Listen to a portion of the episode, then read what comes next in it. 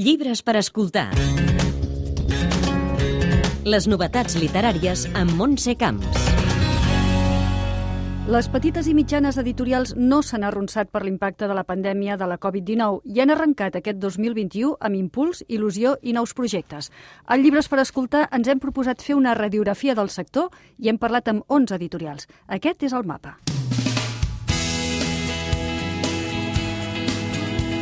Com encareu el 2021? Ramon Mas, editor de Males Herbes. Encarem el 2021 amb molta il·lusió. Un cop fet el balanç del 2020, per nosaltres no, no considerem que hagi sigut un mal any, sinó al contrari. Sí que van haver un parell de mesos molt durs i amb molta incertesa. Sí que aquest any publicarem més títols dels que publicàvem normalment al llarg de 12 mesos, perquè teníem uns quants títols que es van ajornar durant la pandèmia i que aquest any haurem de treure sí o sí. Jordi Puig, editor de Coma Negra. La pandèmia ens ha forçat a mirar més al fons editorial i a inventar maneres de fer-lo lluir. És un objectiu de tots plegats que els llibres no caduquin tan ràpid i els confinaments ho han fet més urgents. Nosaltres aquest any que ve, per exemple, al juny fem la primera fira del llibre únic, que ve precisament a reivindicar el llibre de fons. Esther Pujol, directora editorial del grup Enciclopèdia.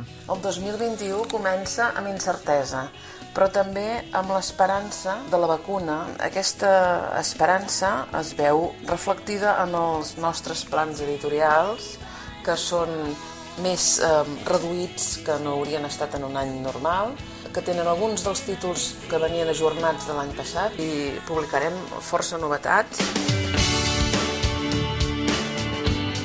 Malgrat els efectes de la pandèmia, teniu nous projectes? Marc Moreno, editor de llibres del delicte. Hem iniciat la col·lecció Delictes Juvenils, dedicada a la novel·la juvenil de misteri, que de fet la vam començar a finals del 2020, que malgrat les circumstàncies ens vam estar plantejant si l'havíem de tirar endavant o era millor esperar, però vam decidir començar amb, les, amb els dos primers llibres de la col·lecció i aquest 2021 el que esperem és consolidar aquest projecte.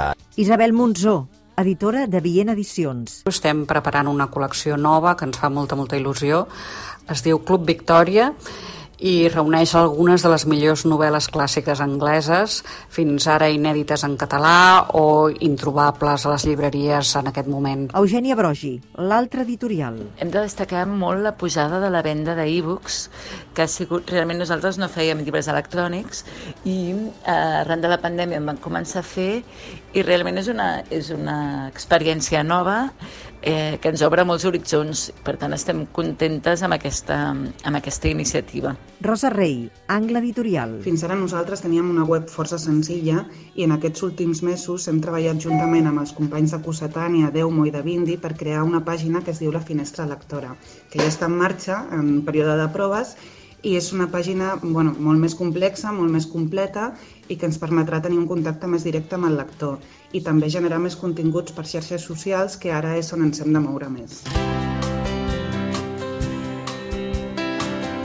La pandèmia ha canviat la vostra manera de treballar o fins i tot de veure el sector? Júlia Bacardit, editorial Edicions de 1984. El canvi més important ha estat el dels actes públics, les trobades amb periodistes, editors, les presentacions presencials, tot això ja no es pot fer, ja ha canviat, i per tant estem treballant per ampliar nous horitzons, no?